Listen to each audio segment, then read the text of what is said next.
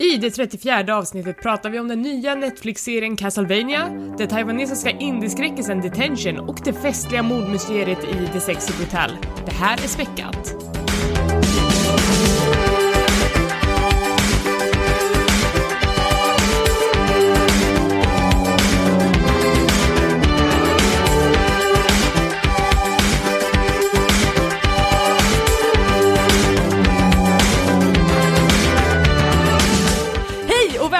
Späckat, en podcast om spel och allt runt omkring. Det här är avsnitt nummer 34. Med mig har jag Tommy, Hej! så himla taggad. Och vi har inte Niklas med oss för Niklas har gått på semester. Är du glad Tommy? Finare ord för kickad, tycker jag, men visst. Nej, han är inte kickad. Han kommer tillbaka, men vi har en vikarie i Niklas ställe och det är ingen mindre än Malin. Hallå! Hej! Hej! Känd från Nördigt, Twitter, Twitter, internet. internet. Mm. Jag har sett dig ett, ett flertal gånger presenterat dig som att du är från internet. Ja, det är faktiskt sant. Eh, jag tycker det är så bra introduktion. Det är också det hemska för nu är jag inte från internet längre utan nu var det så här, ja men du kanske känner igen mig från internet för fyra år sedan. nu har jag ett liv, hej då. Eh, men jättekul att ha dig här Malin. Och, om, liksom, för de som inte har koll på dig för fyra år sedan, vem är du? Vart kom du ifrån? Ehm, ja, hej, jag heter Malin, jag är ny i klassen. Um, hej Malin! Hej! Jag har gjort podcast ett tag, eh, sen 2000 sex kanske, började jag. Wow, uh, över tio år sedan. Ja, fan, Old. säg inte det! Helvete, jag fyller år nästa, i veckan fyller jag år. Det här är för mycket ångest. Grattis. Men, 2006, vad var det då du började med? För jag har för mig att jag hörde dig första gången på Radio Gamer. Ja, det kan vara, för jag gjorde en, den hette, fan hette den ens nu för tiden? Game Station hette den, det var en livesänd spelpodcast från Dalarnas högskola. Uh. Ja vi var, så vitt vi vet, Sveriges första och enda livesända spelpodcast. Eh, vi var väldigt stolta över att vi hade en lyssnare i Thailand som brukade skriva in och berätta att han lyssnade från Thailand. Eh, så vi släppte det också på internet sen. Eh, väldigt mycket copyright issues med den skulle jag tro om någon försöker lyssna på den. Eh, men sen så eh, var det väl mer att jag, jag drev en sajt som hette gameplayer.se ett tag. Eh, och eh, sen så, så faktiskt var ett jobb, vilket är typ någon slags unicorn-grej. Du menar pengar? Jag fick faktiskt betalt per månad för att vara där. Wow. Det var så här sista, det sista verkligen eh, halmstrået av IT-bubblan. Som ju var någon gång på 90-talet egentligen, men det liksom låg kvar där i någon slags så här ficka av att bli enormt dåligt betald men ändå ha fulltidslön för att driva en hemsida om spel. Det är Och sen- verkligen en unicorn idag. Superkonstigt. Och sen efter det så eh, skrev jag för Svampriket, det är väl där folk känner igen mig från främst. Eh, så svampriket.se som nu är så, typ jag kollade in på Svampriket igår och bara, de har en matlagningskanal nu, jag har ingen jävla aning om vad som händer på Svampriket längre. De är hundra pers och har en matlagningskanal. Det är så här, de har blivit någon så här Fox Network, liksom, av, av spelbloggar. Um, men eh, fina, fina människor all around och sen så eh, gästade jag Radio Gamer ett antal gånger när det hette Radio Gamer. Och nu för tiden så är jag en av sju hosts av Nördigt. Eh, Sveriges bästa spel och hobbypodcast förra året. Ja, men i år blir det späckat. I år blir det kanske späckat. Vi, vi ser när Svenska podcastpriset kommer ut. Eh, men, men du har ju gått vidare från liksom spelmedia nu, så du får inte betala för det längre, utan du är ju liksom on the dark side. Precis, och det var ju för fem år sedan. Så jag har varit på the dark side i fem år. Det vill säga som spelutvecklare. En, ja, jag jobbar för en spelutvecklare, jag jobbar för Paradox Interactive, en eh, spelutvecklare och publisher med eh, säte i Stockholm. Ehm, känd för Crusader Kings 2, eh, världens bästa murder incest simulator. Ehm, inte officiell tagline. Ehm, och eh, så vi gör ju en, jag jobbar där på deras eh, marknadsavdelning som eh, en titel som ingen förstår. Jag är marketing project manager. Ja, jag förstår det, för jag Ja. jobbar också på ett marknadsteam. Nyfiken fråga, hur hamnar du på Paradox? Är det via utbildning, headhuntad eller? Ehm, jag skulle säga headhuntad eller, och eller jäv. Ehm, Lite grann. Jag, Nej, men eh, jobbar du på spelbolag innan eller? jag jobbade faktiskt på ett IT-företag som eh, med deras eh, webbkommunikation som sålde säkerhetslösningar redundanta säkerhetslösningar för Linux-baserade stora nätverk såsom alla Silja Line-färjor, kassorna på ICA och dylikt. Det här var osexigt man. Det var så...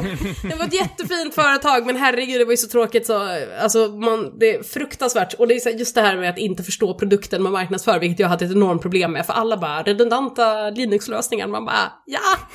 Någonting, någonting! Go! Fail safe, eh, buzzword. Men så jag jobbade med det och sen så ehm, var det en tjej, eh, Petra Tell, som just då jobbade som Nordic Marketing Manager på Paradox. Och hon skulle gå på mammaledighet och då ville de ha en person som kunde ersätta henne på ett vikariat som kunde den svenska spelbranschen. Eh, som gärna hade relevant utbildning inom marketing och marketingbakgrund. Eh, och då blev jag tillfrågad om jag ville ha den tjänsten och så tog, tog jag den tjänsten på ett sju månaders vick.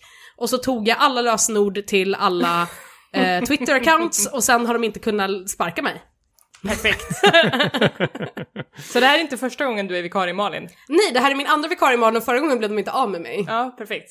Det här låter bra. Jag var Lovande. också vikarie på Nördigt. Ah! Du nästade in. Man, man ska inte blanda ihop den här praktikant-Malin från Mix Megapol. Eller? Nej, praktikanter, Det, det slutar aldrig bra för praktikanter, tänker jag. Eh, speciellt inte om man jobbar på eh, Welcome to Night Vale. Ja, men hur, hur går själva jobbet till då på Paradox, det du gör nu? Titeln är väl, känns väldigt bred, eller har jag helt fel här? Jag är, jobbar ju inte inom spelföretag, så jag är supernyfiken. Alltså, hur det går till. har, precis, det är ju en bred titel men vad du egentligen gör är så här, just nu så, jag kommer ju in som PR, Nordic PR-lead och eh, social media manager.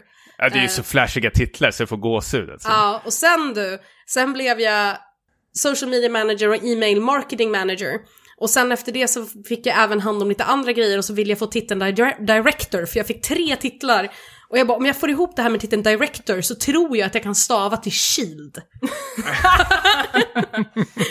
Ehm, men nu för tiden så är jag någonting som heter Project Marketing Manager, eh, vilket gör att jag mer eller mindre producentteamen och utvecklarna gör ett spel och det är mitt jobb att se till att det spelet sen kommer till marknaden. Med allt vad det innebär från allt från branding till eh, kommunikationsbitarna till att faktiskt bara springa runt och se till att alla har alla assets som de ska ha. Assetproduktion, eh, partnerhantering, annonsering, hålla i alla budgetar, uppdatera alla papper. Ja, Någon slags pro projektledare, om man skulle Basically sagt en me projektledare. mediebranschen. Precis, det är en projektledare fast i mediebranschen och för spel. Om, om någon kommer på att de kan prata med varann istället för att gå igenom mig så är jag screwed. Och det är jag som, sen, på mi- mitt jobb på Starbreeze så sitter jag ju som den som eh, producerar saker åt projektledaren i princip, för jag är ju marketing creative. Eh, och jag försöker ju alltid få så här, gå eh, genvägen och bara, men kan inte jag bara få prata med devsen så löser det sig mycket fortare? och man bara nej. Precis det svaret får man. Så jag jobbar ju mycket med våra externa utvecklare också, det är det som är mitt, eh, mitt teams område. Så jag jobbar just nu jobbar jag med Hairbrain Schemes som gjorde Shadowrun Returns och jobbar med dem på Battletech. Jag jobbar med Colossal Order på City Skylines eh, och eh, jobbade också med Eugen Systems på Steel Division och har jobbat med Obsidian på Pillars of Eternity och Tyranny. Vilken är din favorit av dem? Av dem? Ja, det, om välj jag- ditt barn. Eh, om jag får välja ett barn, alltså det är ju så här, eh, jag har jobbat längst med Colossal Order, så, och eh, de är sjukt sköna finländare liksom. Mm.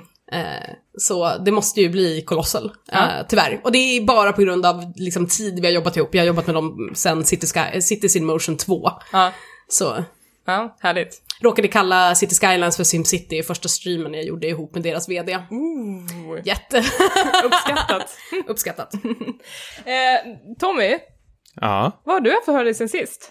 Jag, eh, ja, det känns som alla går på semester. Jag vet inte, har du tagit semester än? Eller har ni Nej, tagit jag har, semester? jag har en vecka kvar, en halv vecka kvar. Malin har tagit semester säkert. Japp.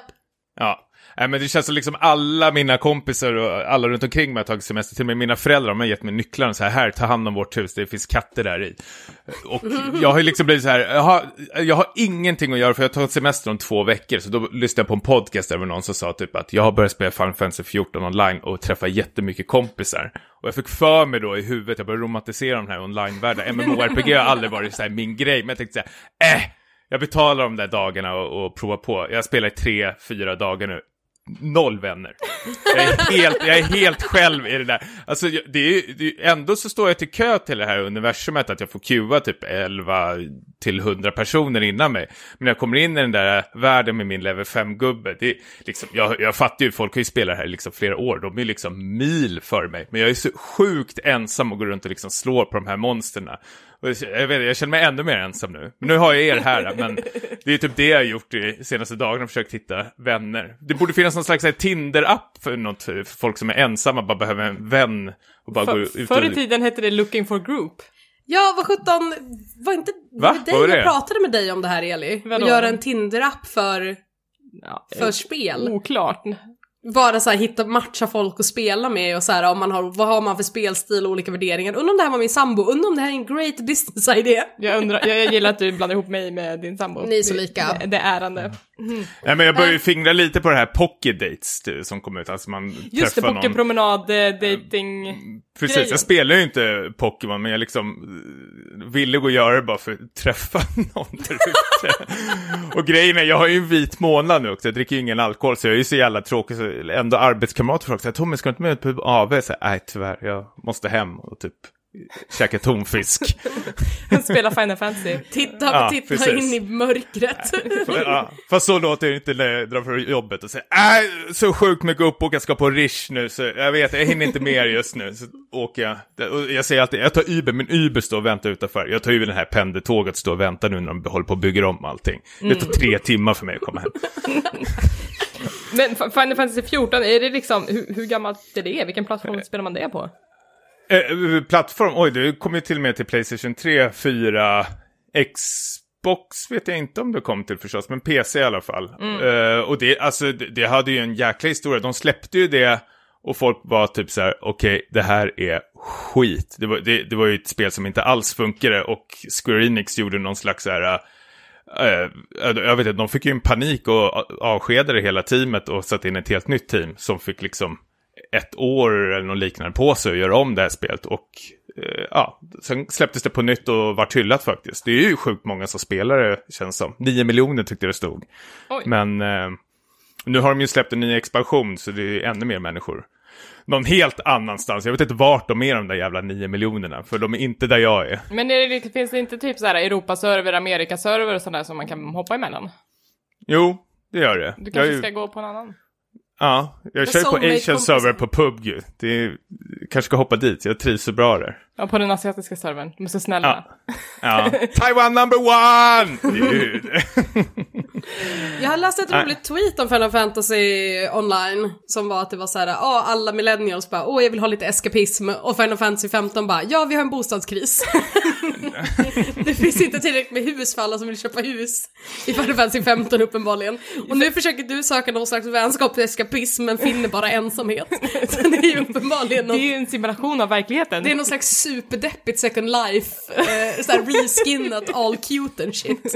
ja, jag springer bara runt med min den där, jag vet inte vad det är för jävla varelse, men hon har massor med grejer i håret. Öron heter väl så här kaninöron. Så står jag bara kastar spells och liksom så här, lyssnar på ljudböcker från Stig Larsson-trilogin eller någonting. Hur har du haft det? Eh, jag har haft det bra. Jag har ju som sagt börjat lite mer kanske med de, de analoga spelnöjena. Först och främst så har det kommit nya regler till Warhammer, så att hela min bekantskapskrets har fått någon slags Warhammer-psykos. Eh, handlar pyttesmå gubbar och målar hela nätterna och nu har min sambo fått med mig på det här tåget. Han har så här lurat mig. Och först så ska man bara, han bara, här har du en gubbe, den kan du måla.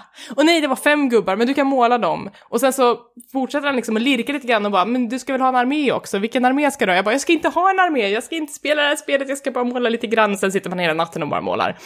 Så att det, det är lite, lite sånt, och sen så har jag ju liksom dessutom i det analoga spelandet spelat Dungeons and Dragons tillsammans med Malin. Ja, det är helt frivilligt också. Ja, helt det var inte frivilligt. alls jag som typ sa att nu har vi en grupp. Ja, precis. Så jag blir två påtvingad alla de här eh, analoga nöjena. Han Eh, lirkade ju åtminstone, jag bara skrev i gruppchatt att vi är en grupp nu. Döpte om gruppnamnet till The Party Chat och sen så fick ni vara med. Ja, men det är, det är väldigt roligt. Eh, du spelleder en kampanj i Dungeons and Dragons. Ja, jag spelleder eh, starterkampanjen Ja. med er just nu. Ja. Som eh, The Lost Minds of Fandelvar, som jag aldrig... Jättedålig DM som Falindar, aldrig kan... Fandalin. Fandalin!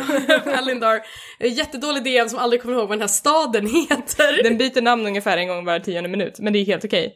Eh, men, men hur kom du in på att spelleda? Är det någonting du har gjort hela tiden?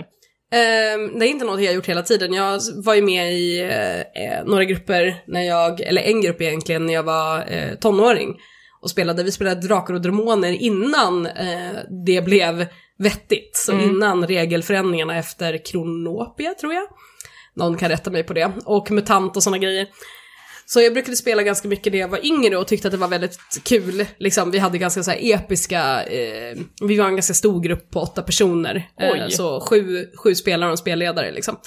Eh, ganska unruly, men det var så här epic. Sen har det varit någonting som jag har velat göra, som jag har gjort till och från i vuxen ålder.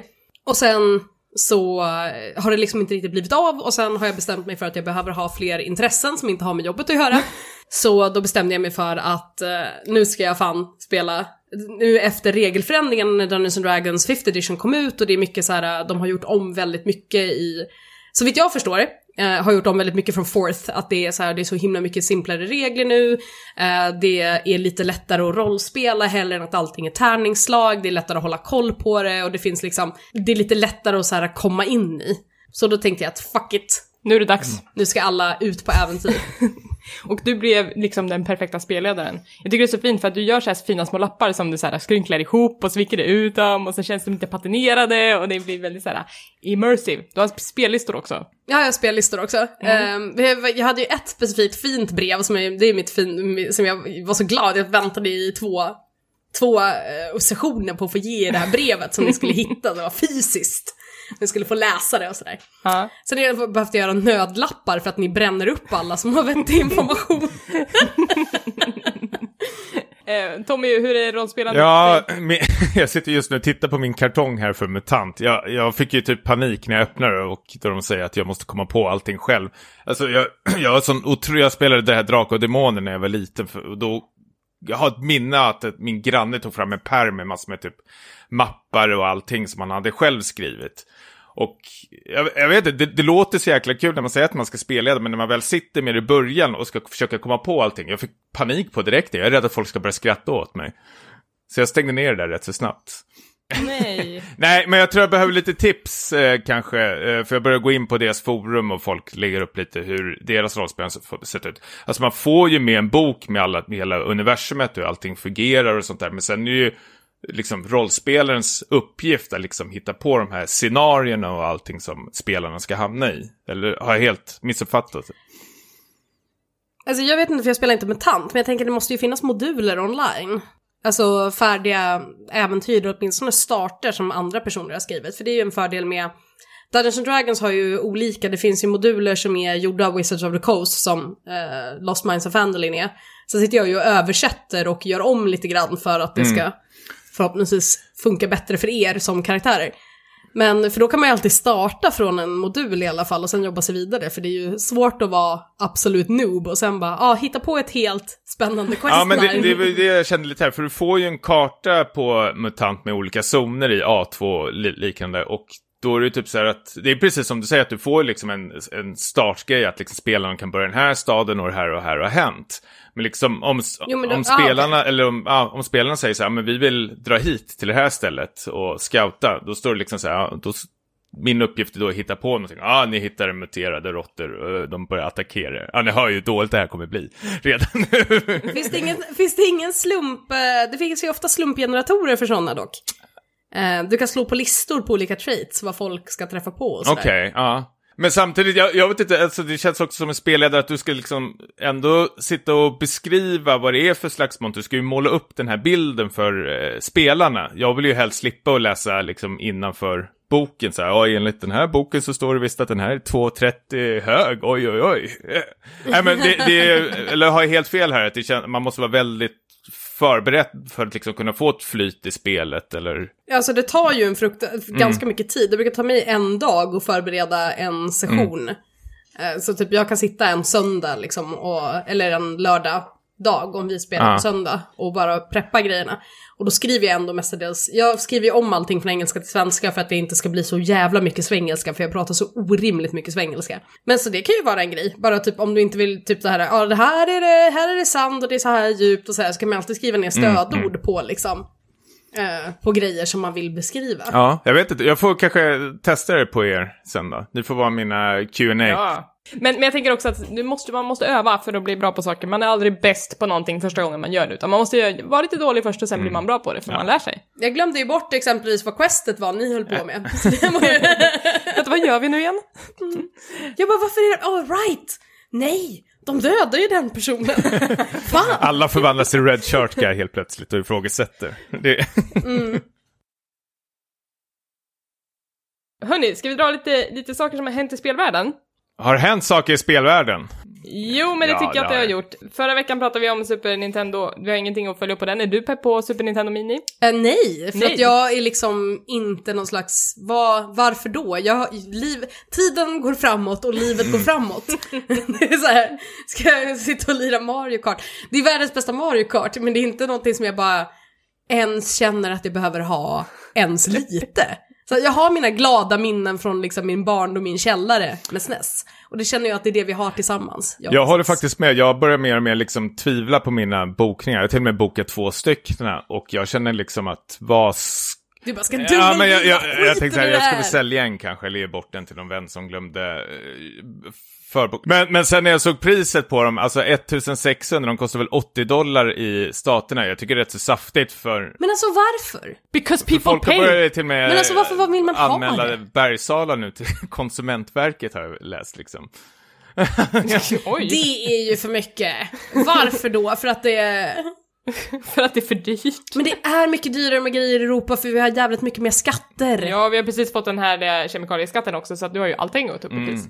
Skatt Jo, är men när det blir nästan dubbelt så dyrare som staterna så ser jag väl eh, ett stort frågetecken. Jag tycker det var ganska skönt för att eh, Nintendo har precis haft någon slags eh, aktieägarstämma eh, där de fick frågan eh, när blir det virtual console liksom och de hade ju typ antytt att men ni får ju en SNES Classic Mini. Mm. Varför ska ni ha en virtual console? Bara, bara för att inte alla får en SNES Classic Mini för att de är redan slutbokade. Men där är det också så här, jag förstår inte riktigt Nintendo, för de har ju den perfekta konsolen nu. De har ju Switch, det är liksom grejen med Switch, att du ska liksom kunna ta med den överallt. Och det är ju perfekt att spela de här gamla klassiska spelen och liksom ladda ner de spelen man vill ha. Och om du vill ha spela ett multiplayer-spel som Mario Kart eller eh, Secret of Mana, då har du ju de här också två kontrollerna som du kan liksom bara ta av dem. Joypadsen heter de. Alltså de, den är ju som uppbyggd, jag fattar inte ens varför de ska göra den här. Eller det är såklart jag förstår, men jag, kom, kom igen nu.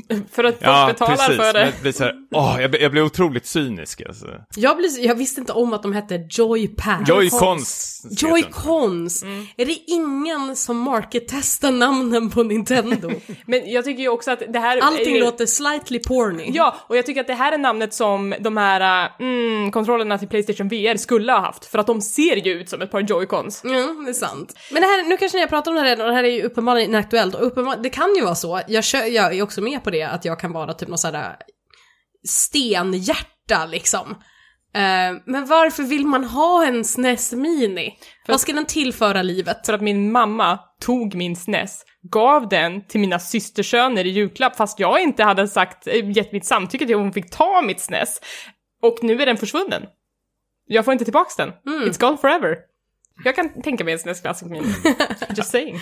Att de är uppenbarligen extra, så det... Ja, precis, precis. Jag får se om jag har boken här. Jag, för mig känns just nu som mest bara en prydnadssak. Den där kommer jag sätta på en gång för att prova Star Fox 2 och sen kommer den stå och damma någonstans. Alltså hur mycket jag än tycker om Final Fantasy eh, 6 så kommer jag aldrig i livet spela om det på SNES Mini. Eh, vidare om saker som har hänt. Overwatch. Vad är det för något? Det är ett skojar bara. spel som, som jag vet att jag spelat. Sluta bara, det är troll.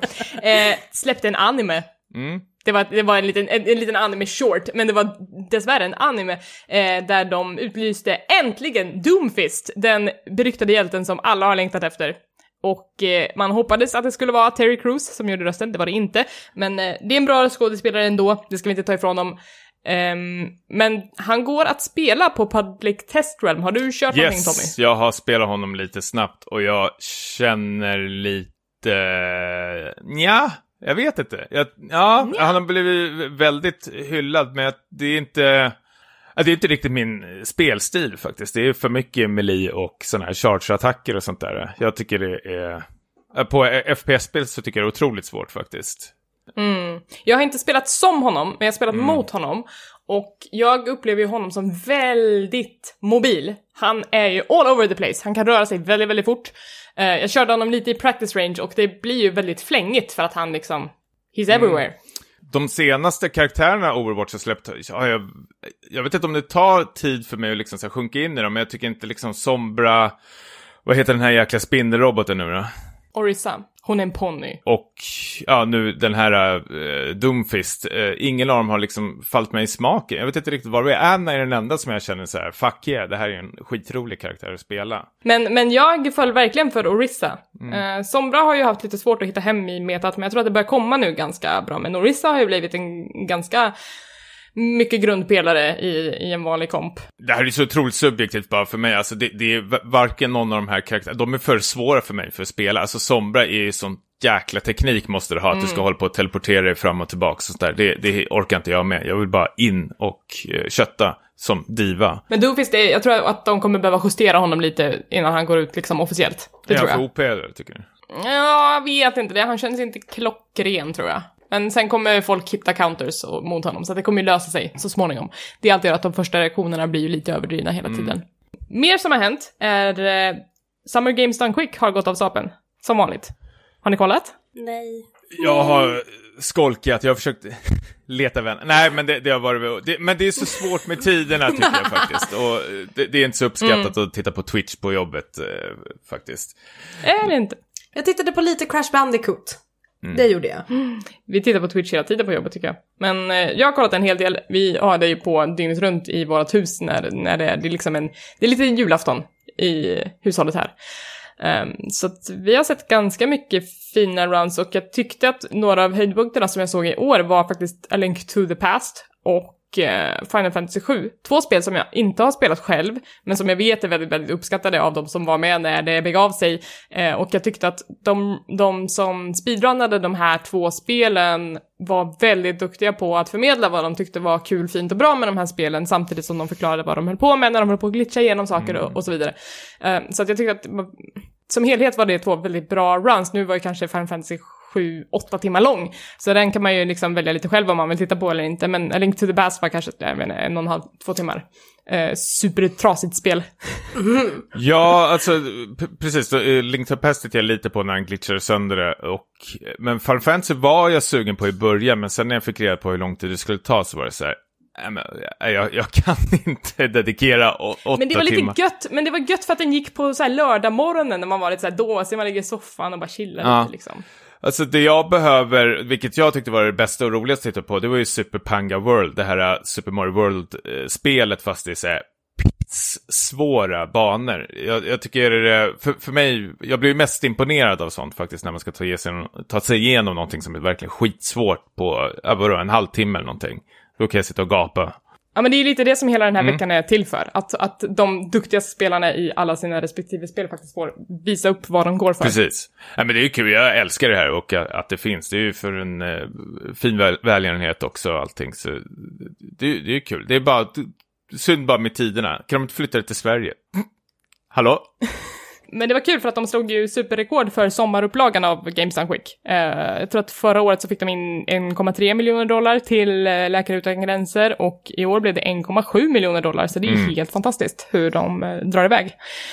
Ehm, så det tycker jag är superroligt. De körde Breath of the Wild, Malin. Ooh. Där, där hade de en liten, eh, 100, inte 100 procent, men eh, Så det var en i procent att de bara körde direkt på Ganon i princip. Ehm, så Jag har fortfarande inte sett Ganon. Jag gör ju mod, min spelstil är ju motsatsen till Gamestone Quick. Elin är ju skitförbannad på mig för att jag fortfarande inte har spelat ut Mass Effect 3. oh shit, jag, jag hade förträngt det, nu blev jag arg igen. Men då är det ju slut efter det! Men var det här, du, du du- är ju också känd för att älska Mass Effect-serien, men du har inte spelat klart det?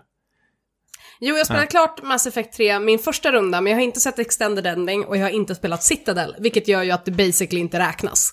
typ så. Så jag har ingen aning om hur Extended Ending är och jag har ingen aning om hur, vad, eh, liksom saker och ting från Citadel. Och nu har jag spelat så långt i Mass Effect 3 igen att jag är precis vid Citadel, det finns inget annat jag kan göra än att gå in i det mer eller mindre. Och då slutar jag ju, la jag ner det i ett år igen för att jag inte vill att det ska ta slut. Mm. Ja, nej men det är samma sak med Zelda, det är också Games Done Slow för mig. Den tar jag mig min sweet little time Ja, det är med. samma sak här. Är du klar med den? Nej! Nähä! Jag har fortfarande inte gjort mer än elefanten. Jaha, men då så. Jag har ju exakt samma, för jag bara, det tog tio år för dem att utveckla det här. Man köra igenom det på två veckor. Nej, nej, nej, nej, nej. Den här karamellen ska sugas på. Jag tänker att det får bli lite sommarspel när jag drar hem till föräldrarna.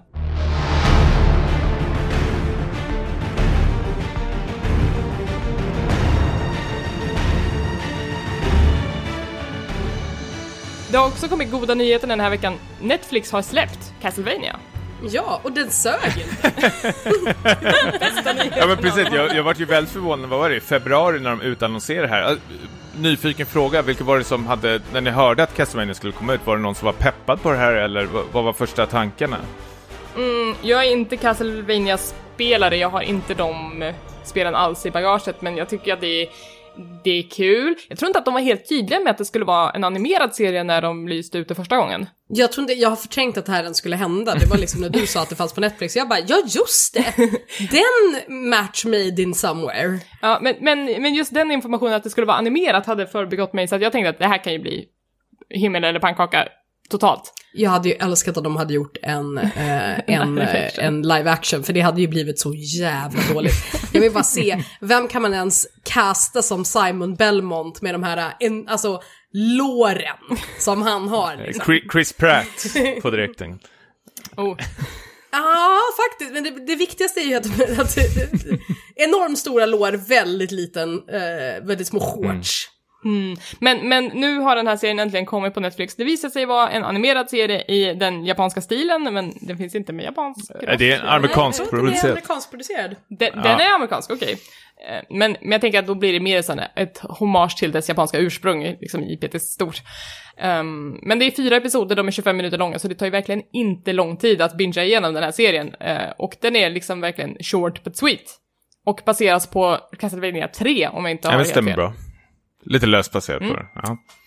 Det är lite, lite, så här, lite Lauren och slutar ju lite med en cliffhanger och det är redan eh, bekräftat att det ska komma en säsong två så att det finns ju verkligen alla möjligheter för det här att bli kul, fint och bra. Jag ska säga, den slutar inte ens med en cliffhanger, Nej. den slutar ju med Basically om den här serien var Oceans Eleven så slutar den ju efter montaget där de har sina elva personer. Nu har vi fått ihop alla elva, nu kör vi! Exakt, Slut! slut. slut.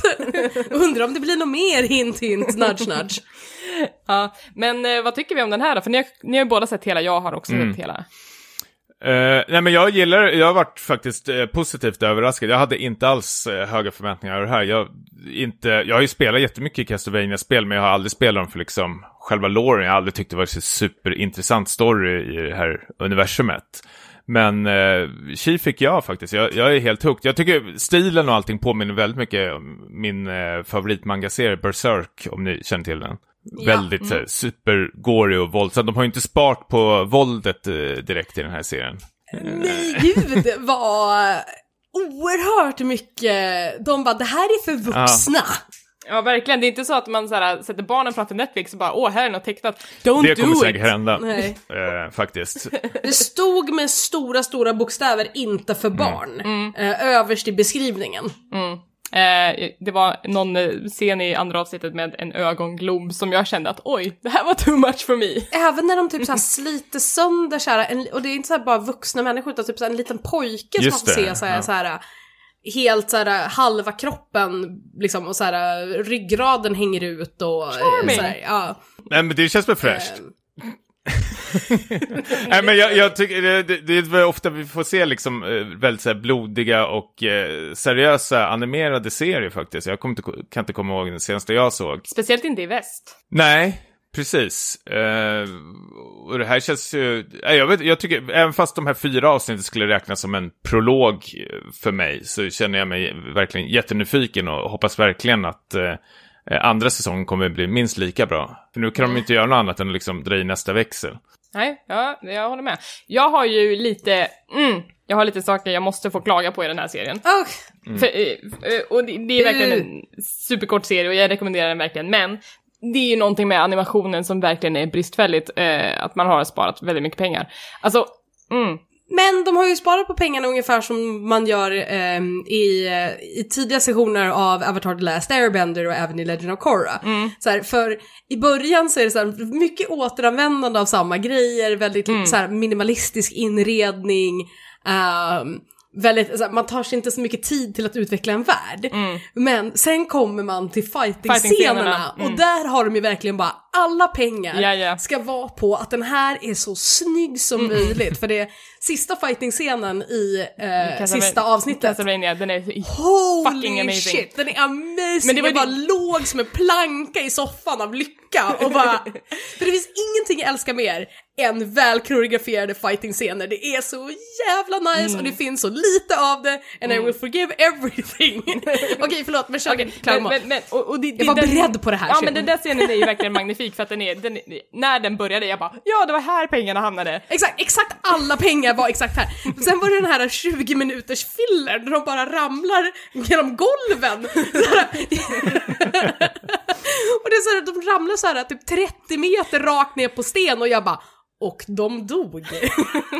But no. Nej, de bara reser sig och bara inga problem, så rasar det golvet också. Och jag tror det hände fem, sex gånger. Det är så här, alltså, du satt och skämtade om så här, Dracula eh, har definitivt svart bygge här. Alltså det är shoddy fucking work, det här är inte union work.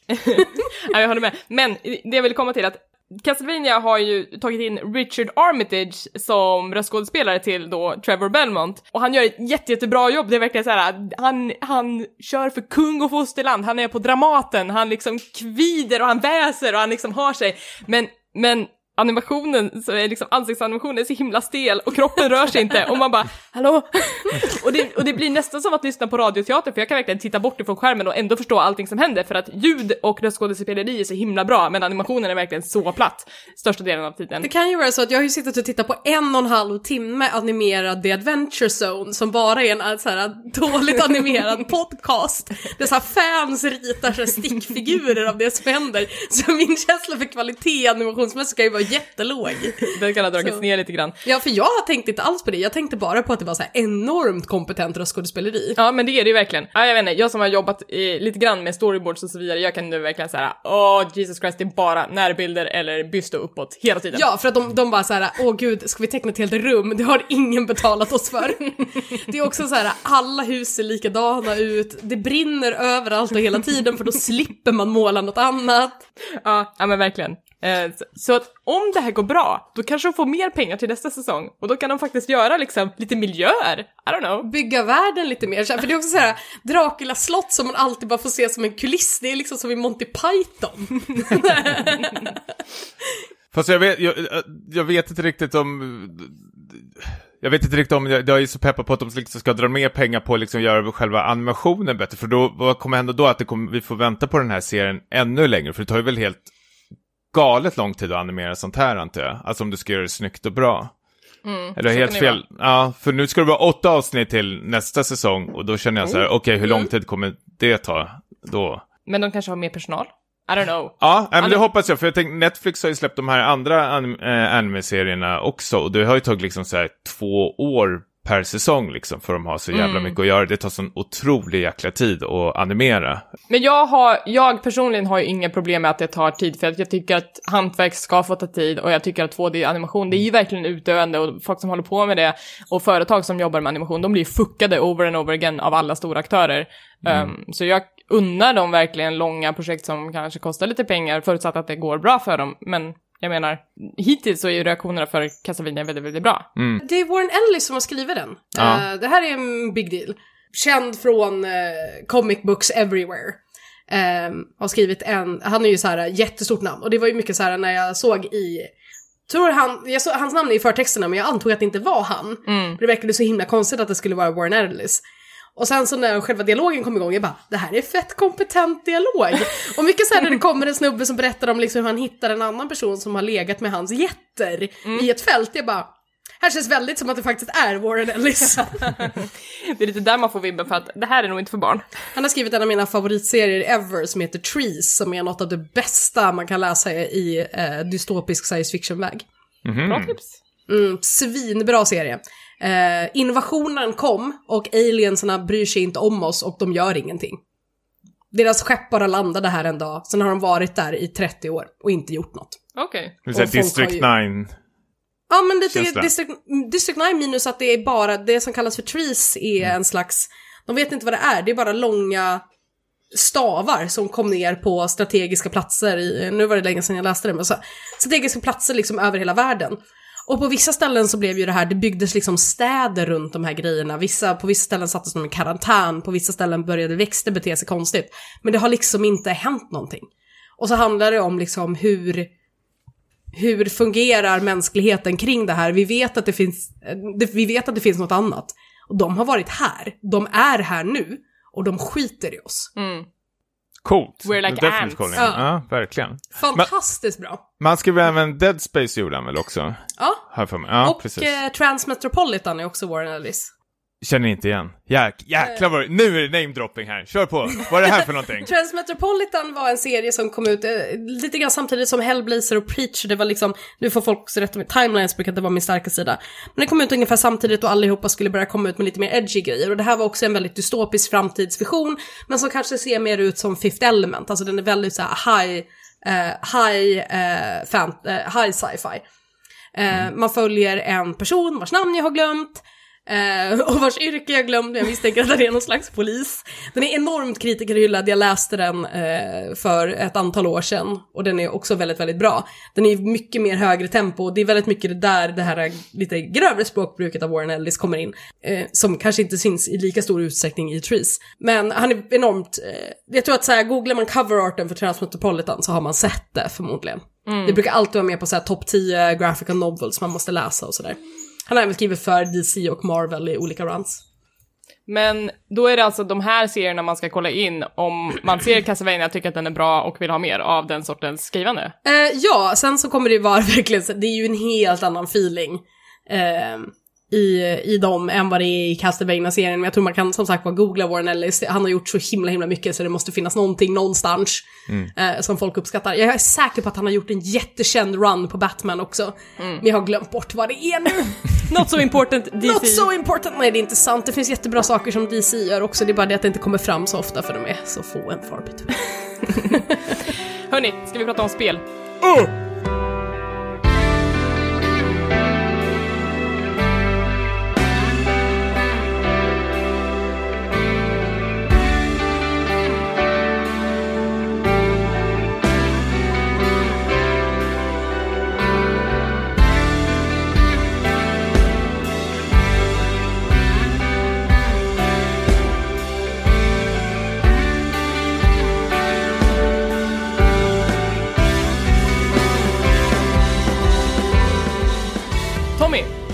Elisabeth.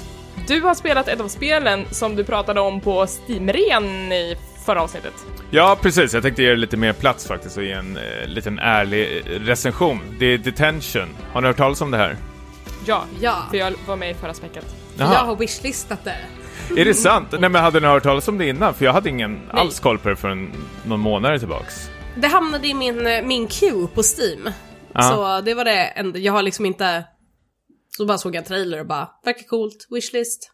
Precis, för den har ju en grafisk stil som, eh, när jag började titta på bilder på det, som liksom verkligen sticker ut. Det är någon slags, här, vad är det, klipp, dock, hur fan ska man förklara det? Nästa, Elisabeth, du- lite som klippdocka slash skuggteater slash collage-stil. Precis, alltså den är... Tänk, eh, tänk artistic indie horror game och sen den första bilden du har i huvudet, det är exakt så det ser ut. I sepia. Ja. Det, det måste vara sepia. Nej men det har ju en väldigt speciell stil som jag tänkte känna så här, ja men det här är väl kul. Och sen samtidigt också, okej, utspel sig i Taiwan under 60-talet under det här eh, White Terror-epoken som man kallar det för. Liksom när Uh, ja, när ko kommunismen föll över liksom Kina och liksom massor med taiwaneser flydde till, uh, ja, tillbaka till Taiwan och då gick man ju på sån, sån här kommunistjakt som man även gjorde i Indonesien och liksom höll massor av uh, människor så här, fångade. Vad var det, 140 000 satte de i fängelse varav typ de avrättade. De har väl inga siffror på dem, men mellan typ så här 4 till 6 000 människor för de trodde att de var kommunister. Plus att det var liksom, många, här, som, eh, många som försvann. Ja, precis. Spårlöst. Alltså regeringen hade sån otrolig kontroll och det var ju även liksom när det gällde populärkultur också, att du fick inte läsa liksom vad du ville, utan då skapades även liksom sådana här hemliga bokklubbar i Taiwan och sånt där, som liksom, där man fick läsa liksom Ja, böcker från Bamse. andra världar. Ja, men äh, kanske man blir nyfiken på något, ja men kanske, jag vet inte, kommunistisk ideologi eller någonting och bara läsa på för kunskap. Men det var liksom så här strikt förbudet och eh, då hamnade man i fängelset och då skapar man sådana här, ja, secret societies då. då. Men det här utspelet utspelar sig då mitt, ja vad är det, 68 och liknande. Där man är, jag vill inte säga för mycket, men man spelar både som kille och tjej och helt plötsligt så liksom eh, utspelar sig i deras skola och helt plötsligt så försvinner allihopa från skolan förutom de här två personerna som då ska ta reda på liksom så här, okej, vad är det som har hänt? Plus att det är massor med lite demoner vad man kan säga, plus att det rinner massor med blod ifrån en jävla flod precis utanför skolan. Alltså, och stilen och stämningen påminner väldigt mycket om, eh, jag, jag skulle faktiskt vilja dra mina tankar till Silent Hill, att det är någon slags här, surrealistisk skräck. Det är verkligen, alltså det är ett skräck, peka och klicka-spel kanske man ska säga, men det är väldigt jag tycker inte om peka och klicka-spel för jag känner mig så otroligt korkad. Men det här är väldigt liksom, snällt peka och klicka. Man vet alltid var man ska gå och liksom, det är väldigt små ytor man rör sig på hela tiden. Utan det här är väl mer liksom, spelar för själva liksom, kontexten för det hela. Mm, och det finns ju en väldigt, jag har ju spelat en eh, timme av det här ungefär så jag är inte klar än, men, men jag tycker att det finns en otrolig stämning i det här spelet och mycket tack vare ljudbilden. Det är mycket så här drönande, spöklika ljud hela tiden som, som klickar och susar och, och brölar lite i bakgrunden, Mm. beroende på var man är. Precis, alltså jag har ju, alltså från typ så början av 90 eller bör, nu tar jag i så stänker om det, men slutet av 90-talet i alla fall, då jag upptäckte typ asiatisk skräck med hjälp av The Ring och One Missed Call. Så har jag verkligen tokälskat den och sen har jag känt typ så här, shit, har de ingenting att komma med än liksom så här äh, små eh, flickor som har så här långt svart hår som typ spökar och tar ihjäl skolklasser och sen i det slutet får man reda på att nej men hon var egentligen snäll, hon var ute efter hämnd men hon var tvungen att döda typ halva skolan för det, typ för att vi skulle fatta det. Det känns som de har spelat på samma liksom klyschor i flera år hela tiden, särskilt Japan har varit väldigt duktiga på det. Men just nu känns det här som en liksom ny fräsch tappning i liksom den eh, asiatiska skräckgenren faktiskt och det uppskattas väldigt mycket. Men frågan är, är det är det, det som, som når oss i väst som är det som blir klyschartat eller? För jag tänker att när jag, det här kanske var på tidigt 00-tal, men jag hittade såna sjuka så här inte riktigt spel, men typ såhär små flash-animationer som var, som var japanska och det var skräck och de var liksom gjorda bara av no- någon vanlig person. Eh, som var ganska så här tidiga med att bryta fjärde väggen och sådana saker som, jag blev ju liksom livrädd for these fucking things och såg The Ring och sen efter det så har jag typ inte rört vid asiatisk skräck för jag, ty- jag tyckte att de var så jävla bra på den här sortens psykologiska terror nästan. Jag är ju fortfarande traumatiserad av The Ring. Alltså, Ja men The, The Ring var ju alltså. banbrytande, alltså det, bara den där tv-scenen, det är ju en sån otroligt klassisk och snygg scen. Men och själva konceptet med The Ring var, är ju så jävla läskigt att man får det här samtalet som säger typ att du har sju dagar kvar att leva. Men liksom samma sak hade väl One Missed Call har jag för mig. Och, För The Ring, så här, jag har ju fortfarande... Det finns supermycket hang-ups om hur sovrummet får vara layoutat just för att jag är fortfarande rädd av att eh, hon fucking ska stå i, i fotändan av sängen på natten liksom. Och de är också det här, det var ju den här, just det här fjärde väggen-brytandet som The Ring gjorde, vilket är så här, ofta så kan man i One Miss Call exempelvis tyckte jag inte alls var lika läskig för att där var det folk som var så jävla dumma i huvudet. Att de får så här, eh, du får ett textmeddelande bara du kommer att dö i en hiss. Man bara, ha? Och man Åk bara, inte hiss. Ta trapporna! Alltså så här, legit, dagen efter bara hoppar de in i en hiss liksom som ett jävla pucko. Ehm, men i The Ring så fanns ju den här, uh, fan är det svenska ordet då, inevitability Ja. av det. Och just det här att har du sett den här filmen, då har du det här. Och alla som såg den här filmen, The Ring, har ju nu sett filmen i The Ring. Så du kan ju aldrig rationella, rationalisera bort det med att ja, men, mitt hus är ju inte byggt på en gammal indiankyrkogård. Mm. Så här, jag bor inte i ett haunted mansion. Nej. Så här, men här har du ju gjort allting och så måste man vänta sju dagar och se om man dör. Mm.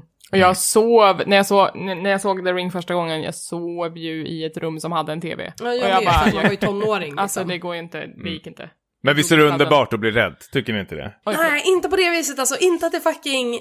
Jag är 31 år. Och jag är rädd för våran så här jävla... Eh, klädhög. Nej, men jag, jag är exakt likadan, för jag har ju dörren, eller min fru brukar liksom öppna dörren eh, till sovrummet när vi ska gå och lägga oss för hon tycker det är för varmt, men då brukar jag alltid se folk som står vid liksom dörrkarmen och tittar in hos oss och då måste jag alltid gå upp och stänga. Jag hade ju varit så här, herregud skilj dig. Det finns ingen väg Vem, jag? Ja, hur bara är så här, öppna dörren när det skulle vara förbjudet. Så här, vi lider ju verkligen så här, vi har ju möjlighet, vi har två balkonger i vår lägenhet. Vi skulle kunna ha ett jättehärligt så här, genomdrag på natten så att vi inte behöver lida av att det är svinvarmt.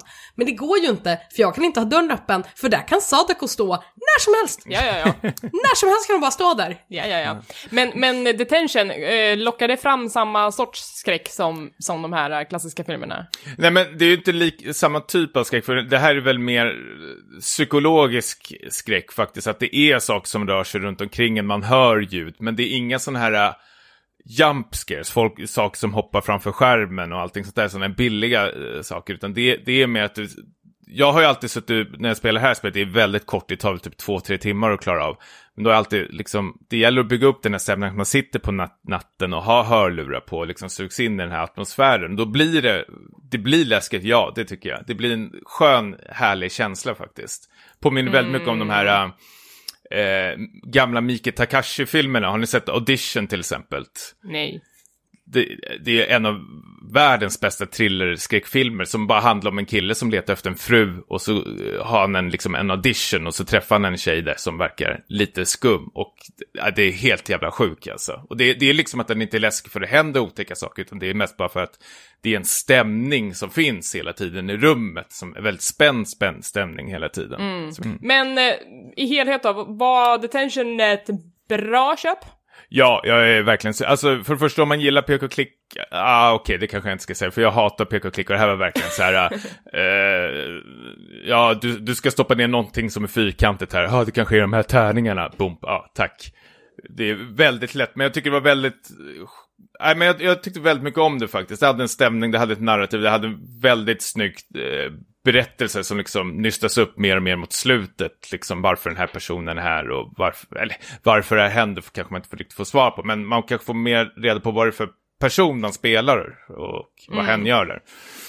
Och jag tycker inte att man behöver ha så himla mycket förkunskap i den här situationen i Taiwan på 60-talet för att spelet är väldigt bra på att förmedla ungefär vad det är som gäller. Nej, men jag tycker det är väldigt kul att liksom, vi har, jag har aldrig hört eller sett ett taiwanesiskt spel som utspelar sig under den här epoken. Därför tycker jag det är väldigt intressant och kul att det sticker ut lite mer än de andra spelen faktiskt. Att de har, Det är ju taiwaneser som har gjort det här spelet och då tydligen har de väl blivit influerade av någonting som säkert har gått mig över huvudet eller någonting. Ja, men eh, jag ska försöka spela klart det här spelet, jag ska bara samla lite mod igen för jag tyckte att det blev lite eh, obehagligt. Ja, du Tycker tyckte att det? eller? obehagligt? Så, Ja, ja men, det, men det var lite så här att mm, man, ibland så blockeras ens väg av demoner och då måste man hantera dem på ett visst sätt och eh, jag kände att bara jag orkar inte med det här eh, precisionsarbetet samtidigt som den här demonen skriker mig i ansiktet så att eh, I'm not gonna do this right now. Och så rör de sig så här väldigt ryckigt och allting. Så det blir... lite härligt, lite grudgigt. Ja, Eh, om vi ska lägga det på en obehaglighetsskala, vad känner vi att vi skulle kunna jämföra den här med? Liksom? Jump scares exempelvis, det kan jag tycka är så här, det är, det är en rimlig typ av skräck för att den är så, här, den är så snabb, det är en adrenalinkick oftast, det är cheap as fuck liksom. Sen har du den här äh, bara kompletta existentiella ångesten på andra sidan som kanske är Silent Hill. Mm, jag tycker att den, den är ju lite mer åt det här typ edgy-hållet, nästan. Det, är- det är väldigt sådär, åh, en flod av blod. Eh, alltså, den sortens grejer. Ja. Eh, man ser saker i speglar som inte kanske är på riktigt. Nope. Eh, Sådana saker. Mm. Ja, men så här, surrealistisk skräck nästan, Ah. skulle jag säga att det är. Lite Okej. mer, som sagt, mer åt Silent Hill-hållet faktiskt. Jag kan ju uppskatta att jag gillar ju skräckspel, vilket är jättekonstigt. Jag pallar ju inte jump scares, jag blir ju superrädd. Men jag gillar ju såhär, Silent Hill älskar jag ju liksom för den typen av pacing och story. Um, men sen så, du rekommenderade ju också en free till mig som något såhär, ah, lite mysigt spel. Ja, mysrysigt. Ja, precis. Och sen blev jag ju svinrädd för det, för jag var inte alls beredd på att det skulle vara läskigt på riktigt. Men jag tror att det är typ, alltså, lite samma klass. Också Lite samma här. klass, okej. Då var jag mer beredd den Alltså här på gången jag vet- skräckskalan? Ja. Ja, men det skulle jag nog säga faktiskt. Då kan jag vara lite mer beredd den här gången än jag var förra gången. Jag bara, Gud vad mysigt, vi är på en strand allihopa, går runt och pratar om så här sista dagen. Yes, that's, that's basically också free.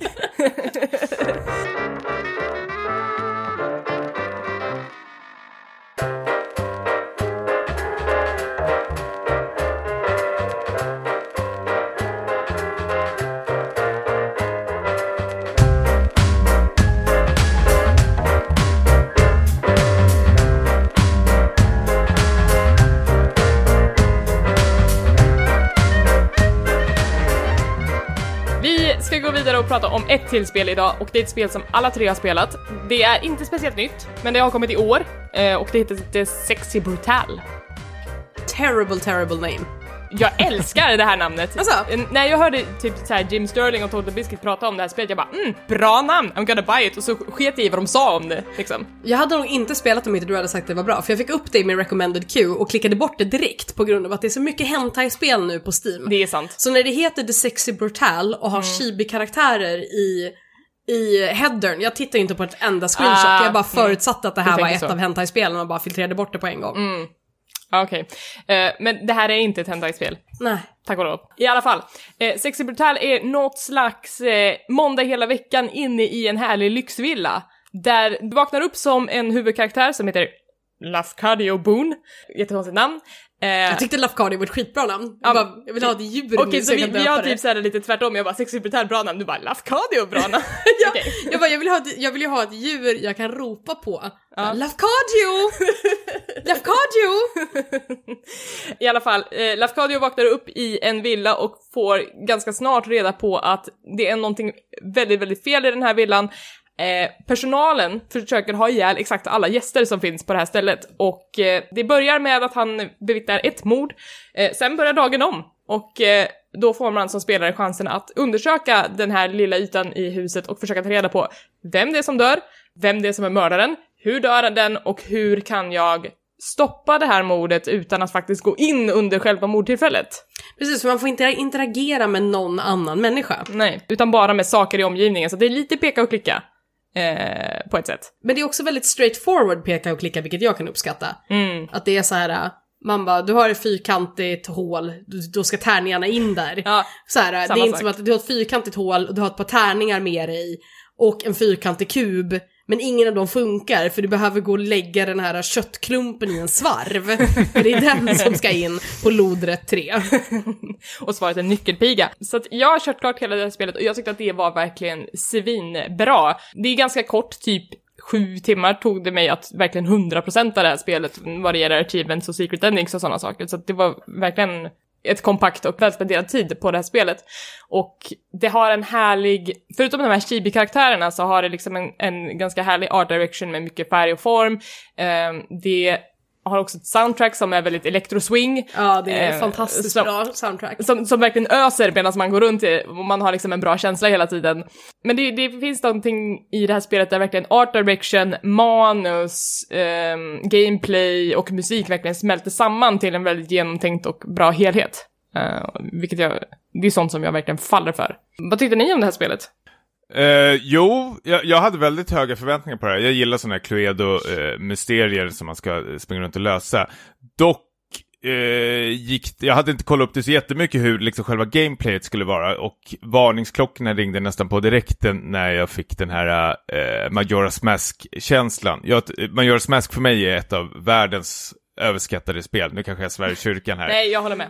Men jag, jag tycker, jag Eh, jag gillar konceptet måndag hela veckan-grejen, men i spelformat är det otroligt svårt att göra det att, utan att det blir liksom så här tråkigt upprepande. Och det kände jag liksom, förutom det här tutorial-mordet som man klarar rätt så snabbt, så kände jag direkt efter det andra mordet att så här, var är jag på väg, vad gör jag, folk bara dör omkring mig, jag måste börja om, börja om, börja om. Jag, jag fick inte grepp om spelet, men sen tog det faktiskt ja, kanske en timme, en och en halv timme. Och då, liksom, då hände det någonting. Det liksom bara klickade till i mitt huvud. Jag förstod hur man skulle använda kartan, tiden, klockorna och allting. Och då flöt det på hur bra som helst. Och då omfamnade jag det faktiskt. Ja, vad härligt. Eh, otroligt. Men, eh, förlåt, men musiken stängde jag av på direkten nästan. What? Det finns någonting, alltså jag Det är någon ser... som inte blir medbjuden på postmodern jukebox. Nej, men, men någonting, alltså, jag, jag tittar väldigt mycket på film och någonting jag hatar är de här eh, montagen till exempel när så här, de ska åka till Las Vegas och det är massor med neonskyltar överallt och då har man den här jazziga musiken liksom såhär We're in Vegas now! Du, du, du, det är exakt den musiken faktiskt. Ja, och jag, jag, jag vet, jag, jag tycker det är den värsta, det är nästan sån här jazz hands musik liksom som jag bara såhär Åh gud vad jag inte kan lyssna på det här, så jag fick sätta på egen musik hemma. Men det är liksom, det är inte så jättefarligt, antingen så gillar man det eller inte, då kan man bara stänga av musiken, påverkar inte gameplayet någonting. Och nu ligger jag väl liksom halvvägs in och jag är verkligen så här, det jag tycker är så skönt med det är att när du löst det, det, det utspelar sig, ska man ju säga, under en halv dag. Man har ju 12 timmar på sig att lösa de flesta mysterierna, om jag inte har helt fel. Ja, det, Ja. det, första mordet tar du bara sex timmar på dig för att du ska liksom ease into it, men sen så låser du snart upp att du kan liksom få hela Precis. de Men- 12 timmarna till ditt förfogande. Men själva händelseförloppet, alltså där alla dör, utspelar sig under de här 12 timmarna, bara att man förflyttas liksom i scenario. Och jag tycker det är rätt så kul att spelet liksom säger att så här, men här får du inte gå, här kan du inte vara, och sen liksom när du löser ett mysterium så liksom introducerar eh, man till ett ny, nytt område liksom i det här mansionet, där liksom så här, okej nu känner jag mig rätt så klar här nere i det här eh, till exempel kasinorummet, oj nu råkar jag låsa upp en övervåning, vad händer här uppe då? Oj, det är någon som har hängt sig, okej vad har hänt här? Och så börjar man spola tillbaka och nysta i det istället. Och, och då håller man sig runt det området. Spelet liksom, jag tycker det är väldigt bra pacing i det hela tiden, att det liksom låter spelen upptäcka nya områden och verk- verkligen liksom stanna i det nya området istället för att, som jag trodde i början, att säga shit, det är ett sjukt stort mansion, ska jag bara springa runt i alla, för det är rätt så många rum ändå. Om man ska liksom, jag, och jag trodde att man skulle, liksom skulle springa runt hela jävla mansionet på direkten och hålla på att lösa allting, men så var det ju Ja. inte. Nej, jag, jag trodde också liksom såhär, shit, kommer det här sluta med att jag måste lösa liksom alla morden i följd på slutet? Det var det jag trodde också, men det Eh. behöver man inte göra tack och lov. Nej, du behöver bara lösa ett mord i taget. Ja. Men det är väldigt kompetent gameplay loop just det här med att eh, introducera en ganska specifik del. Eh, oftast det första du måste göra är ju att hitta vem det, den personen du ska rädda, så här, hur dör de? Sen måste du förfölja dem lite grann för att få mer information eller kanske förfölja dem som har ihjäl dem och lära dig lite mer om deras rutiner. Och sen nästa dag börja liksom faktiskt lösa det här mordet. Enda gångerna som jag kände att det blev liksom väldigt, det var ett mord Ehm, som var väldigt, väldigt långt och man var tvungen att förfölja en kille genom typ hela mansionet. Och jag failade det eh, första, första gången jag gjorde det. Och sen så var jag tvungen att vänta hela dagen igen på att han skulle gå sin lilla runda. Och det var väl typ, jag bara, ah okej fan, nu, nu är det så här, hade jag önskat att jag hade kunnat liksom bara fast forwarda tiden lite Men det grann. kan man ju, om Det du kan går man. en klocka. Jo men du kan ju bara fast forwarda ett visst antal timmar. Ja. Jag skulle bara vilja fast forwarda den liksom. Till exakt. Ja, till precis där jag behöver ha någon. Mm. För det är så här, jag kollade liksom inte hur lång tid det tog för honom att gå från baren till salongen. Så här, Jag vet inte om det tar fyra timmar eller om jag kommer att missa Mm. Men det kan du ju se där. om du öppnar kartan. Då kan du ju liksom flytta tiden fram och tillbaka för att se exakt hur de rör sig under dygnet. Ja just det, det kan man ja. Det glömde jag bort. Ja, men jag Kartan vet, förstod jag inte så himla bra. nej, Nej, den- kartan använder jag hela tiden, jag älskar den som bara den. Jag tycker det är superspännande. Även fast det är ett annat mord som jag ska lösa så går jag runt och undersöker vad de andra håller på med. Bara för liksom, man loggar ju allting hela tiden i den här kartan och allas rörelse.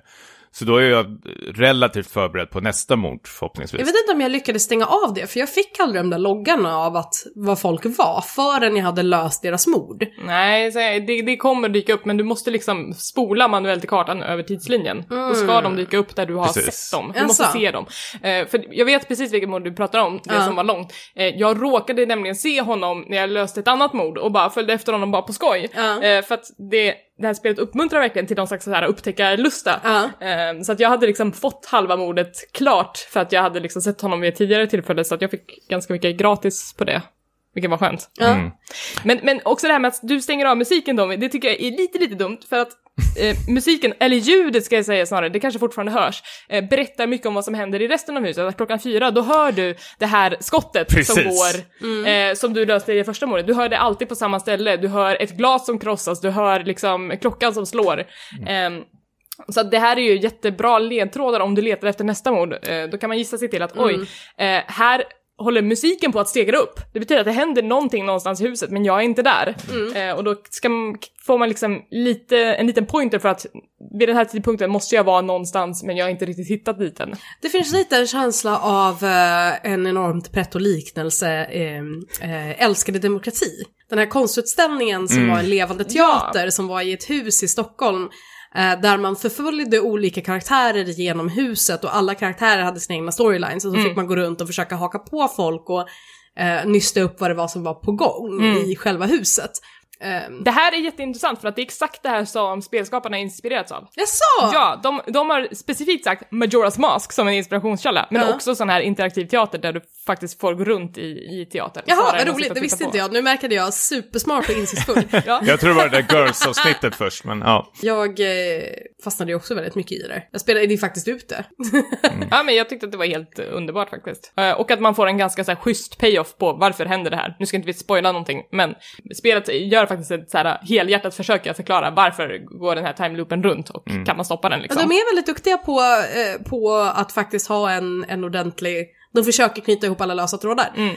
Sen så vet jag inte riktigt så här, nu kan vi inte prata så mycket om slutet, men jag är osäker på om jag är riktigt så här. eh, De ville verkligen att det skulle vara väldigt tungt, moraliskt. Mm.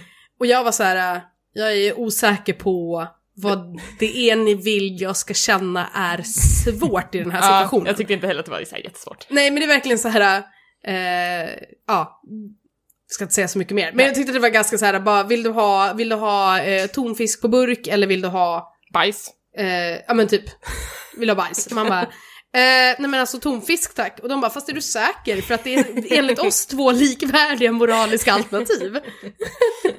Alltså jag tycker att eh, det här var super, det är nog ett av mina favoritsmåspel från 2017 hittills. Det är en supermysig indie-grej och specifikt nu när det ska regna hela resten av veckan så är det ju en så här, Mm. Tommy, är du pepp på att spela klart det här spelet? Ja, verkligen faktiskt. Mm. Eh, som sagt, jag, jag tyckte det var en lite hög tröskel för mig i alla fall i början. Men så fort jag tog mig igenom den så verkligen älskar jag det.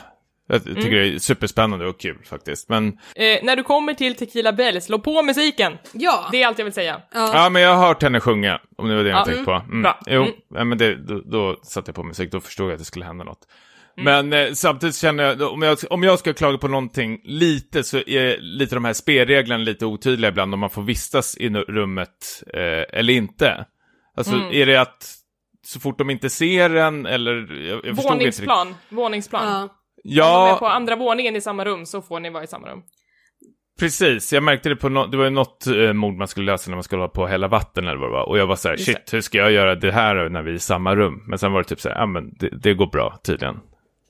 Faktiskt. Så länge man är lite, lite upp för en pytteliten trapp är man fine. Mm. Så här, då ser de en inte. Det är ungefär så här, det är samma sak som Sims-logiken. Mm. Så här, det räknas som ett annat rum, så du kan ha en exponerad toalett där uppe och ingen bryr sig.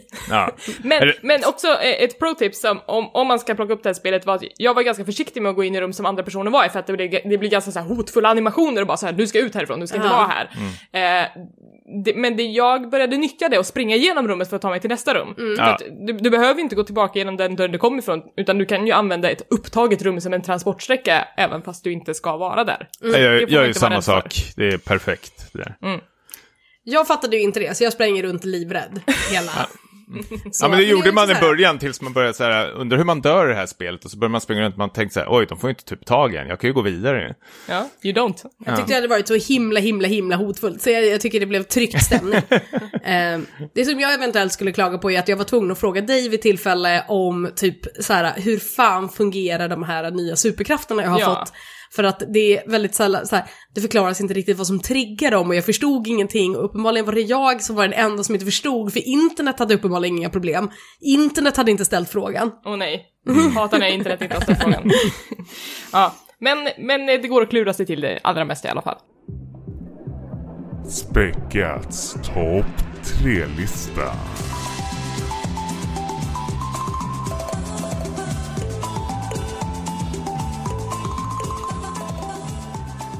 Okej, vi har kommit till avslutningen av dagens avsnitt och det är som vanligt Speckas topp 3. Och eftersom vi har kört The Sexy Brutal så tänkte vi att temat för det här avsnittet blir mordgåtor i spel.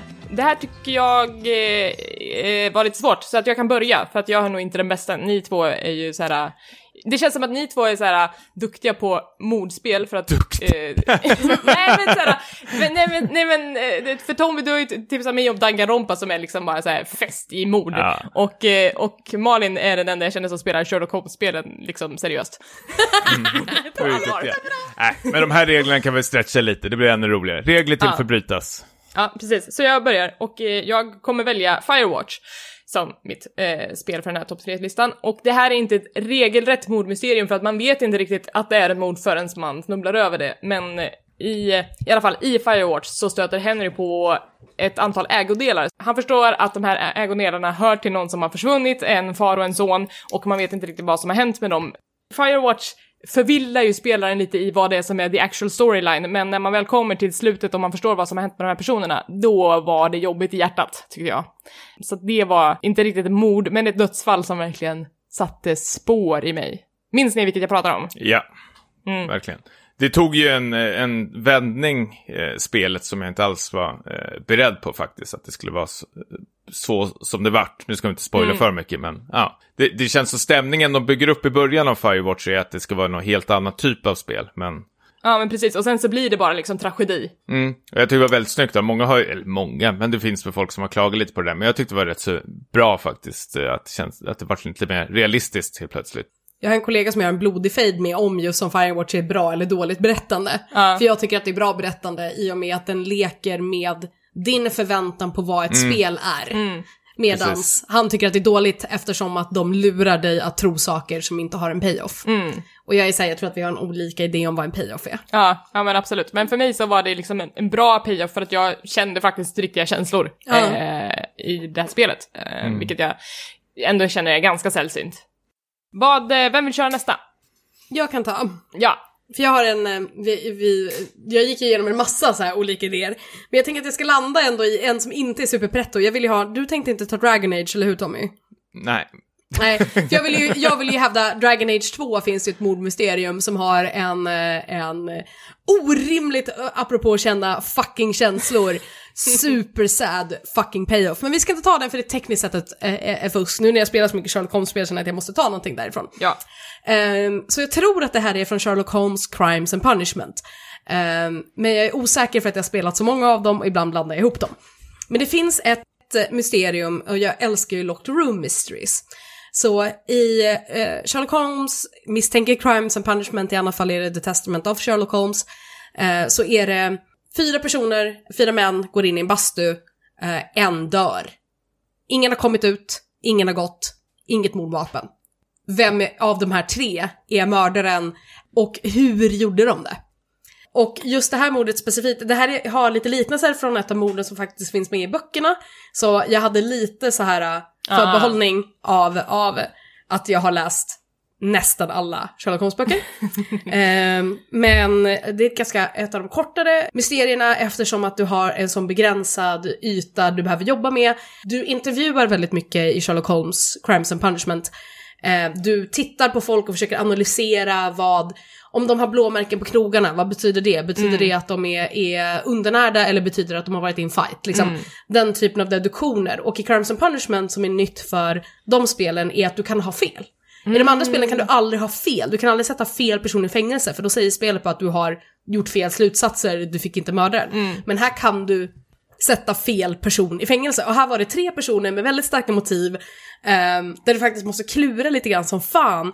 Och de använder mycket pusselelement, för det är mycket så här vrida och vända och bygga pusselklossar i Sherlock Holmes-spelen. Eh, och jag tyckte det var en eh, eh, väldigt, eh, väldigt rolig eh, roligt mordmysterium och eh, nog det bästa i Sherlock Holmes-serien eh, som jag har spelat so far. Jag har inte spelat alla spel.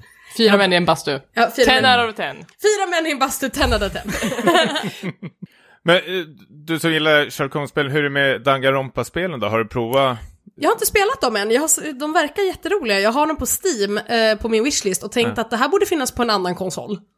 Det har kommit till Playstation nu. Playstation finns ju. Jaha, fan jag vill ju PS4. ha det på ett pan- något handhållet. PS-vitan finns. Jaha, nej men den Hallå? äger ingen. Jo, jag är nog den enda som spelar på den i hela världen. Nej men för jag tänkte, eh, det här Buster-mordet påminner väldigt mycket om ett mord i eh, Danganronpa. Bara att där är det att alla huvudkaraktärer försöker ta sig in i ett rum som är låst inifrån och till sist så bryter de upp dörren och där är det en person som har blivit mördad. Men då är det liksom stora frågan hur kan mördaren ha liksom tagit sig in i det här rummet, låst inifrån och liksom lämna det här offret i det här rummet. Om det var en tränad apa så är det också taget från Sherlock Holmes vill jag bara säga. Ja, men det, man märker väldigt mycket influenser från eh, Danganronpa. Eh, eller Danganronpa har influerats av Sherlock Holmes. Eh, Det, är- för jag har ju det på min wishlist. Jag Mm. har bara inte spelat det än för jag tänker att det här är nog en sånt som jag hellre skulle sitta i soffan och lira kanske än att sitta vid min datastol. Mm. Ska ha Eh, Steam Link, bra. Ja, Steam Link, ja vi har en Steam Link. Ja, men det. till min sambos dator. Ja, jag förstår. Eh, Tommy, vad har du för mordmysterium på din lista? Ja, ja, det är ett av mina favoritspel faktiskt också. Och det första liksom det här mordmysteriet som jag eh, intresseras av i spelvärlden. Det är faktiskt Silent Hill 2. Har ni spelat det här? Nej, Nej, aldrig talas om det. du ljuger. Ja, gud jag ljuger så himla mycket. Älskar det. Ja, du gillar det också? Ja, det är ett av mina bästa spel ever. Ja, alltså jag, jag har ju så otroliga minnen när jag verkligen spelar första gången och den här introduktionsscenen, man spelar som James Sunderland som anländer eh, till staden Silent Till. och innan man börjar spela så läser han upp ett brev som är från hans fru Mary som läser att, eh, som det står skrivet att eh, ja, vi ska träffas i den här staden i vårt eh, speciella ställe. Grejen är att den här Mary, hans fru, har ju dött för, ja, vad är det, x antal år sedan. Det kanske inte framgår. Varav det här blir ett väldigt så här, otroligt mysterium över det hela, liksom så här, vad har hänt med Mary, eh, vem är det som liksom har kontaktat honom? Och varför? Och varför just Silent Hill-staden. Så det här blir, återigen, det blir någon slags här, surrealistiskt eh, skräck, eh, mordmysterium över det hela, varav liksom den här eh, vad säger man, lösningen på själva mordmysteriet mot slutet är ju så otroligt eh, tillfredsställande och jag vet att jag bara ryser när jag tänker på det faktiskt. Det är väl potentiellt ett av de mest ikoniska spelsluten liksom. Ja, är det det? Det känns som, ja, det kanske det är. Bland folk som gillar det. Jag har aldrig hört någon prata om det nästan. Men jag, Jaså, nej. Eller, ja, vi Jag umgås tycker med... jag ibland, ja, olika människor. Ja, Jag tycker jag jag får- alltid hör lite olika så här think pieces om, eh, om eh, just slutet på Silent Hill och vad det betyder och sådär. Ja. Du menar här när, den här när man kommer in i ett rum och en hund som styr allting? Precis, the dog ending, the true ending. Hashtag true ending. Jag älskar Dog Ending i Silent Hill-spelen, de är helt otroliga.